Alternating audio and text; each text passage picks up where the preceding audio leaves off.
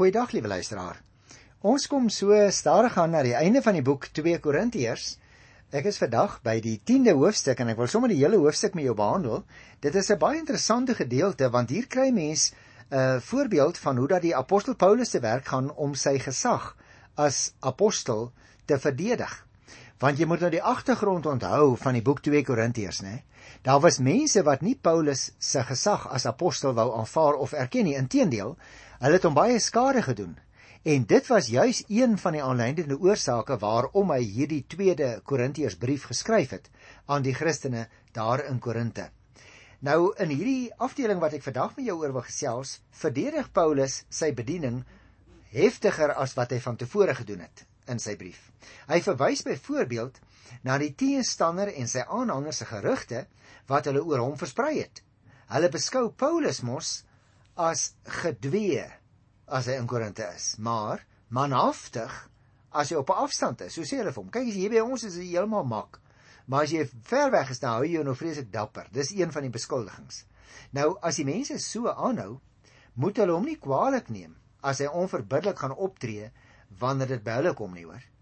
En selfs wanneer hy self by hulle kom. Hy's tog maar net 'n mens hier op aarde, nie waar nie? Maar dit beteken nie luisteraars dat hy die evangelie verkondig met menslike wapens nie. Hier op aarde is hy ook net so menslik en net so feilbaar soos jy en ek. Toe ek sekere boeke met jou behandel het uh, en die Baal godsdiens in die Ou Testament ter sprake was, sal jy miskien jou herinner as jy op daai stadium geluister het dat ek vir jou verduidelik het dat dit 'n baie opvallende verskil is tussen sogenaamde heilige boeke van die ou antieke wêreld en buitebybelse wêreld en die Bybel self. In buitebybelse godsdienstige verhale word die heldefigure gewoonlik half goddelik. So word hulle in elk geval afgebeeld. Maar dit is heeltemal anders in die Bybel. En daarom ook hierdie grootste apostel onder die heidene wat daar seker ooit gelewe het, naamlik Paulus.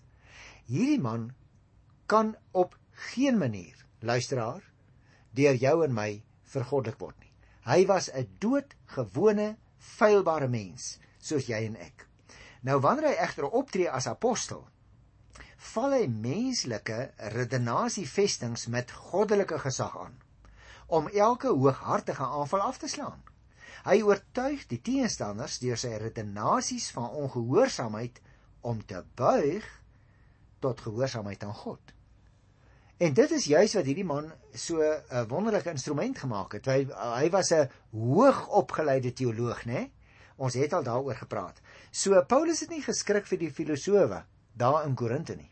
Hy het eenvoudig reguit aangevat met 'n koele lyn regte beredenering van standpunte. Want hy het die kennis gehad en die opleiding daartoe.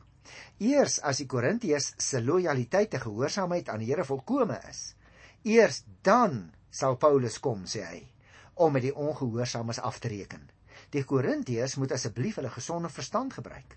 Paulus behoort natuurlik ook aan Christus, soos enige iemand anders wat glo. En wanneer hy beklemtoon dat hy sy gesag van die Here ontvang het, dan doen hy dit ter wille van die gemeente, nie ter wille van homself nie. Daarom is hy nie skaam oor wat hy gedoen het nie. Hy probeer allermins om die Korintiërs bang te maak met sy briewe. Daarom luisteraars, daar's hoegenaamd geen verskil tussen sy briewe en sy optrede by die gemeente in Korinte nie. So skryf hy ook vir hulle. Hy is regtig voor hulle oë soos wat hy agter hulle rug is. En dit is natuurlik deel van sy edel karakter nie waar nie? Hy sê nie een ding en skinder 'n ander ene nie. Daarom kom sy optrede 100% ooreen met die inhoud van sy briewe. En daarom sê hy, ek het nie anders opgetree nie, ek is 'n gesant van die Here, die Here het my gestuur en net soos wat ek vir julle skrywe en dit woorde is waarby ek staan, net so is my optrede wat ek glo die Here van my verwag. En al het julle nou daaroor baie te sê, ek staan onvoorwaardelik aan die Here se kant van die streep. En dis nogal interessant, dis nou my eie woorde wat ek gebruik, maar luisteraars, jy en ek sal so maklik sê die Here is aan my kant. Dis 'n baie gevaarlike ding hoor. Die vraag is of jy aan die Here se kant is. Nou goed, kom ons kyk na hierdie klompie verse. Ek gaan die eerste 3 uh verse lees en dan gesels ons met mekaar daaroor. 2 Korintiërs 10. Ek begin by vers 1. Ek, Paulus, doen 'n persoonlike beroep op julle. Ek wat mos gedwee is as ek by julle is, maar manhaftig is teenoor julle as ek van julle af weg is. Nou dit is natuurlik nou een van die beskuldigings, né? In die naam van Christus wat nederig en vriendelik is, vra ek julle, moet my nie dwing om streng te wees as ek kom nie. Ek is seker ek kan my veroorloof om streng op te tree teenoor die wat daarin skuldig is dat uh, ek uit menslike oorwegings sou handel. Natuurlik leef ons in 'n menslike liggaam, maar ons voer nie die stryd met menslike wapens nie. Jy sien Paulus se versekering dat hy nie die stryd voer met menslike wapens nie, ook nie teen diegene wat hom beskuldig van optrede vir ons menslike oorwegings nie, maak dit duidelik dat juis sy teenstanders sulke menslike wapens soos hy dit noem, gebruik. Met ander woorde, hy sê vir hulle, hoorie, julle kom op 'n vlak teen my in wat doodgewoon 'n menslike vlak is en wat dikwels dus sal getuig van vleeslikheid. Hy sê dit is nie die vlak waarop ek met julle gesels en graag met julle wil gesels nie. Ek kom in die naam van die Here na julle toe, maar ek kom ook met die styl van die koninkryk na julle toe. Kom ek lees vers 4 tot by vers 6. Die wapens van ons stryd is nie die wapens van die mens nie, maar die kragtige wapens van God wat vestings kan vernietig. daarmee vernietig ons die redenasies en elke hooghartige aanval wat teen die kennis van God gerig word. Ons neem elke gedagte gevange om dit aan Christus gehoorsaam te maak. Ons is ook gereed om met elke ongehoorsaamheid af te reken sodra julle eie gehoorsaamheid volkome is. Merk jy op wat hier gebeur, liewe luisteraar?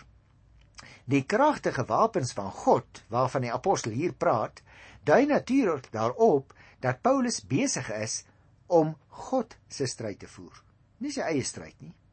Dat hy daarin van God se krag afhanklik is, nie sy eie krag nie, en dat hy nie van gewone menslike metodes gebruik maak om sy teenstanders onder te kry nie. Maar hy kom as 'n waardige verteenwoordiger daardie mense tegemoet in die styl van die koninkryk. Kom ek sê dit andersom. Paulus is besig om te sê nou dat die misverstande uit die weg geruim is, sal daar streng opgetree kan word teen mense wat voortgaan om God en sy saak in ongehoorsaamheid teen te staan. Dit wil sê, mense wat voortgaan om die apostel teen te staan en sy werk te ondermyn. Hy sê kyk, julle moet my nou ook baie goed verstaan en ek sê dit vir julle heel duidelik sodat julle dit kan verstaan. Die vorige keer toe hierdie soort van goed teen my gesê is as apostel, was ek nou soos wat julle nou gedink het, uh, gedwee. Ek het dit maar net aanvaar. Maar hy sê ek dreig julle nie, maar ek wil net vir julle sê hierdie keer gaan ek skerper wees in my bewoording en in my veroordeling. Paulus wil egter in hierdie verband die volle samewerking van die gemeente hê. Jy merk dus op hier gebeur 'n interessante ding. Aanvanklik was die gemeente bekommerd of die apostel nie dalk in sy mondering swak plekke het nie. Is hy regtig 'n apostel van die Here? En toe daardie probleme nou uit die weg geruim is, daardie argumente wat eintlik begin is deur sy teenstanders. Toe daar nou 'n goeie verhouding tussen hom en die Christene daar in Korinte ontstaan. Maar hy sê ek wil nou vir julle sê as dit nou weer gebeur, dan wil ek graag hê en ek wil graag weet vooraf dat julle en ek in dieselfde juk is, dat ons dieselfde saak gaan verdedig teen daardie dwaalleraars. Daarom sê hy ek wil die volle samewerking van die gemeente hê. En daarom luisteraars is hy ook bereid om te wag totdat hulle eie gehoorsaamheid volkome is, noem hy dit. Met ander woorde, totdat hulle ten volle bereid is om hom teen sy teenstanders te steun. Hy sê die volgende keer as hulle my nou beskuldig en aanval, dan moet julle asseblief met my saam staan, anders gaan my rug nie gedek wees nie. Kom ons lees van vers 7 tot by vers 9. Julle kyk net na een kant van die saak. As iemand dan so vas oortuig is dat hy aan Christus behoort, moet hy onthou Ons behoort net soos hy ook aan Christus. Al het ek my miskien 'n bietjie veel beroem op daardie bevoegdhede wat die Here my gegee het, sal ek nie skaam daarvan afkom nie. Die Here het aan ons die bevoegdheid gegee om julle op te bou, nie om julle af te breek nie. Daarom wil ek nie die skyn wek dat ek julle met my briewe probeer bang maak nie. sien Paulus het aanvanklik alreeds die gelowiges van Korinte aan sy gesag as apostel herinner. Hoekom? Omdat daar mense in die kerk was wat teen hom gekant was. Die valse leraars het hulle toe aangemoedig om hom te ignoreer en hy wou die Korintiërs teen dwaaling beskerm. Uiteindelik word Paulus nie alleen behandel nie, maar die evangelie wat hy verkondig word verdag gemaak onder die mense. Met ander woorde, dit gaan nie vir Paulus in die eerste plek oor homself nie. Dit gaan daaroor dat die Here en sy saak benadeel word en daarom sê hy kan ek net eenvoudig nie meer in die toekoms sommer maar net stil bly nie. Dit is nie wat die Here van my verwag nie. En daarom kom ons kyk na vers 10 en vers 11. Daar word mos gesê en nou noem Paulus pertinent een van die klagtes wat dan teen hom ingebring sou word. Hy sê daar word mos gesê sy briewe is wel ernstig en streng, maar as hy self by ons is, is hy mak. Dan beteken sy woorde niks.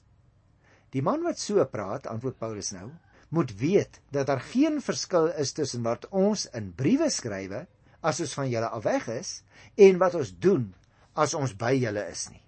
Dit wil vir my voorkom luisteraars as ek hierdie uh, twee verse lees, vers 10 en 11, asof Paulus nie 'n dinamiese prediker was nie. Al was hy wel 'n uitstekende debatteerder, alhoewel mense gedagte moet hou dat Paulus homself dalk hier doelbewus laagskat. Hy was egter ten slotte gehoorsaam aan die Here se opdrag. En daarom het hy die evangelie ook in die Romeinse ryk gaan verkondig. Ek wil jou ook maar net herinner daaraan, liewe luisteraar. Onthou jy Moses het mos ook nie maklik gepraat nie. Dit wil eens voorkom asof welsprekendheid nie 'n voorvereiste was vir 'n verkondiging van God se naam en se koninkryk aan ander mense nie. Daarom moet ons versigtig wees as dit destyds so was dat dit nie 'n bepalende vereiste was nie, is dit nie noodwendig vandag ook 'n bepalende vereiste nie. Daar is die gedagte by baie mense dat alle leraars en pastore noodwendig moet preek. Nou dit is natuurlik nie so nie want selfs alle leraars en pastore het nie dieselfde gawes ontvang nie. Uh daarom is daar ook ander take wat ons kan verrig sonder om noodwendig te moet preek. Nou luisteraars, as 'n mens nou hier van vers 12 afkom, dan is daar nou so 'n klein bietjie, ek wil amper sê, so 'n bietjie 'n oorgang in die gedagtegang. En daarom wil ek ook eers so 'n bietjie met jou gesels oor wat die apostel hier sê. Ek is nog steeds by Romeine 10 vers 12 tot 18 en ek gaan net eers vir jou vertel waaroor dit gaan want hier sal jy nou sien eers sê die apostel om verdedig. Nou van vers 12 af slaan hy nou oor nou begin hy roem in die Here. Nou wil ek dadelik sê hoe dom is dit tog nie om so sekere mense jouself te meet met selfgemaakte menslike maatstawwe nie. Jy sien luisteraar Die uiterlike optrede en styl kan mos nooit bepalend wees nie. Elke mens kan net soveel doen as wat die Here hom toelaat. Dit geld vir Paulus. Dit geld ook vir sy teestanders. Dit geld ook vir jou en vir my. Paulus se eie optrede moet altyd gemeet word aan God se reëls, as ek dit so mag stel. Hy neem deel binne die Here se geestelike speelveld omdat hy hom alleen wil toewy aan die werk van God. Hy roem dan ook nêrens op ander mense se werk nie, maar net op dit wat God deur hom gedoen het. Hy roem nie eers op homself nie. En so bly Paulus die apostel binne die Here se reëls van genade. Jy sien die uiteindelike toets luisteraar vir roem lê nooit in jouself en in myself nie. Maar die uiteindelike toets vir roem lê in wat die Here daarvan dink. Die prestasie lê nie in menslike selfroem nie, maar die prestasie lê ook daarin om die roem van die Here te verkondig deur dit wat jy en ek presteer. Dat ons nie die aandag op onsself sal trek nie, dat ons nie in die lig sal staan nie, maar dat ons op 'n manier sal probeer deurgee. Al die eer hiervoor kom aan die Here toe. Aan hom alleen kom al die eer toe in die hemel en op die aarde. En die vernaamste mondstukke daarvoor, liewe luisteraar, is juis jy en ek as deel van sy getuies in die wêreld. Nou goed, kom ons kyk na hierdie paar laaste versies van vers 12 af van 2 Korintiërs by die 10de hoofstuk. Ons waag dit natuurlik nie om ons op een lyn te stel of ons te vergelyk met sekere mense wat so 'n danige dink van hulle self het nie. Hulle is dom. Hulle meet hulle self aan hulle eie maatstaf en vergelyk hulle self met hulle self. Maar wat ons betref, ons sal met ons roem nie buite die perke gaan nie. Ons bly binne die perke, luister nou mooi. Ons bly binne die perke van die werkkring wat God aan ons toegemeet het. Julle val ook binne daardie perke. Dit is wonderlik dat die apostel op hierdie manier so praat in vers 12 en in vers 13. Het jy opgemerk? Hy kritiseer vir al die valse leraars wat hulle self met ander mense vergelyk ten einde hulle self te verhef. Met ander woorde, hy sê luister bietjie na daai valse leraars, dan sien hulle een algemene kenmerk gewoonlik dadelik raak sien. Hulle vergelyk hulle met ander predikers en dan beskou hulle hulle self dadelik as beter. Nou sê die apostel, vergelykings moet eintlik alleenlik met goddelike maatstawwe geskied. Ons moet onsself toets aan die Here se standaarde. Uiteindelik moet ons vra wat is dit wat die Here van my verwag? Ek moet my nie laat ontstel nie, liewe luisteraar, deur wat mense van my dink nie. Ek moet seker maak dat ek binne die riglyne van die Here is dat ek doen wat hy sê. Dan maak dit mos glad nie saak nie wat ander mense van my sê nie. Is dit nie waar nie? Nou luister hier na vers 14 tot 16. Dus het ons nie ons perke oorskry deur tot by julle te kom nie. Ons het immers vroeër al tot by julle gekom met die evangelie van Christus. Deur op julle te roem, gaan ons dus nie die perke te buite nie, want dit is nie ander mense se werk waarop ons roem nie. Ons hoop dat julle geloof sal toeneem en dat ons dan onder julle meer sal hê om op te roem. Steeds binne die perke van ons werkring dan sal ons die evangelie ook in streke anderkant julle kan verkondig sonder om te roem op werk wat tot stand gebring is in die werkkring van iemand anders. Met ander woorde, liewe luisteraar, die apostel is doodgewoon besig om te sê as ons daar by julle kom en ons doen sekere werk, dan gaan ons nie ander werk wat ander ouens gedoen het as dit ware gebruik om te sê kyk wat het ons gedoen nie. Hy sê ons sal in ons werkkring roem op wat ons deur die genade van die Here tot stand gebring het. Maar ons sal nie ander mense se produkte as dit ware aanbied asof ons dit gedoen het nie. Kom ek sê dit andersom. Die opbouwerk wat aan Paulus toevertrou is, vertoon dus twee aspekte. Aan die een kant streef hy daarna om die geloofsposisie van die gemeente te versterk. Hulle in die gemeenskap met Christus te konsolideer en hulle in hulle vertrouensverhouding tot God te laat groei. En juis hiervoor skryf Paulus sy briewe en hou hy aan om hulle te besoek. Hy sê dit spesifiek in vers 9 tot 11 en dan in vers 15 ook. Dis die een kant. Aan die ander kant argumenteer die apostel, bou ek aan God se gemeente, sy volk deur sy sendingwerk. Met ander woorde, dit is nie my gemeente nie. Dis nie my werk nie. Dit is nie my resultaat wat ek uiteindelik tot stand bring nie. Dit is die Here se en hy gebruik maar net vir my. En as gevolg hiervan is die mense daar in Korinte gered.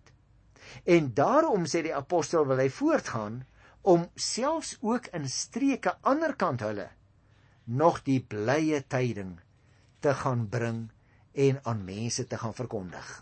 Die apostel is in sy optrede en dit wat hy tans doen en wat hy beplan om te doen heel openlik met uh, die gemeente daar in Korinte in hierdie tweede brief so wat ons het as 2 Korintiërs.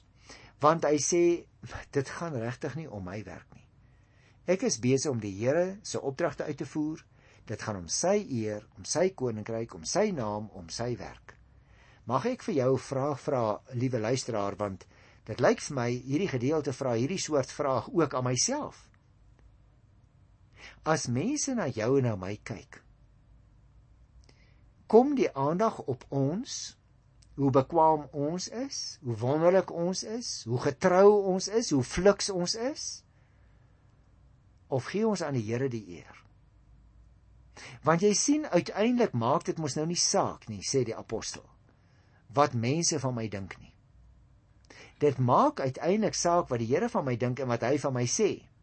En daarom is dit baie interessant die apostel sluit nou af uh, hier in 2 Korintiërs hoofstuk 10 in vers 17 en 18. Hy begin met 'n aanhaling. Hy sê: "Maar die skrif sê: Hy wat roem, moet in die Here roem." En dan gaan hy voort en hy, hy reageer daarop in 'n sekere sin en hy sê: "Die man wat die proef deurstaan het, is nie die een wat homself prys nie, maar die een wat deur die Here geprys word." Paulus Dis baie duidelik, liewe luisteraar. Paulus het geheel en al op God vertrou. God sou ook aan hom as 'n nietige dienskneg wat sy werk goed doen, erkenning gee. Paulus soek dus nie die erkenning van die valse leraars nie. Paulus prys God wat aan hom die taak gegee het van verkondiging en ook die geestelike wapens waarmee hy dit kan doen. Hy is daarvan oortuig dat die Here hom die taak gegee het en dat die Here hom uiteindelik in die gelyk sal stel. Met ander woorde dat as dit uiteindelik op die punt afkom dat die valse leraars en die dwaalleraars wat die beskuldigings teen hom ingebring het, die onderspit sal moet delf en dat dit in die lig van die Here self wanneer hy teenwoordig is, sal blyk Paulus was deursigtig hy het in opregtheid sy taak verrig. Daarom lyk dit vir my sê die apostel, hy self kan of sal homself hoegenaamd nooit prys nie. Vir sy lewe en sy werk kom al die lof toe aan God. Daarom prys die apostel Paulus die Here wat hom sy taak gegee het en wat hom ook die kragtige wapens gee om die taak end uit te voer en wat ongetwyfeld die bewyse lewer dat hierdie dienaar van hom in sy diens gestaan het en daarin reg opgetree het ook teenoor die Korintiërs. Nou as die apostel in hierdie laaste 2 verse so afsluit, dan wil ek myself die vraag vra: Broer en suster, hoe getrou is jy en ek? Hoe slaag jy en ek hierdie toets? of mense nou ook al van ons negatiewe dinge sê of hulle selfs onwaarhede verkondig. Daar is een maatstaf wat ons konsekwent moet bly aanlê en dit is dit. Hoe oordeel die Here oor my lewe? Hoe oordeel hy oor die dinge wat ek doen? Hoe oordeel hy oor die dinge wat ek nie doen nie? Want uiteindelik sal ook die aanklagte van wêreldlinge teen jou en my, sal dit uiteindelik ook wegval, liewe luisteraar. Maar dan is die vraag: Wat gaan die Here van my sê? En daarom wil jy en ek maar net in alle nederigheid bly voortgaan om 'n nederige afhanklikheid van die Heilige Gees te bly doen wat die Here van ons verwag. Broer en suster, mag jy die genade ondervind om wat in die woord van die Here staan prakties in jou lewe toe te pas om die Bybel as dit ware te verpraktiseer. Want wie wêreldlinge lees jou en my lewens meer gereeld en hulle lees dit makliker as wat hulle die Bybel lees. Kom ons wees dan lewende getuies, net soos Paulus dit was, dat jy kan sê jy kan my toets na jou eie mening, dit gaan my nie eintlik aan nie. Maar weet julle wat? Ek weet die dag wanneer ek voor die Here staan, sal ek die toets slaag omdat ek getrou was om te doen wat hy sê. Is dit met jou ook so? Ek groet jou in die wonderlike naam van die Here tot volgende keer. Tot dan. Totsiens.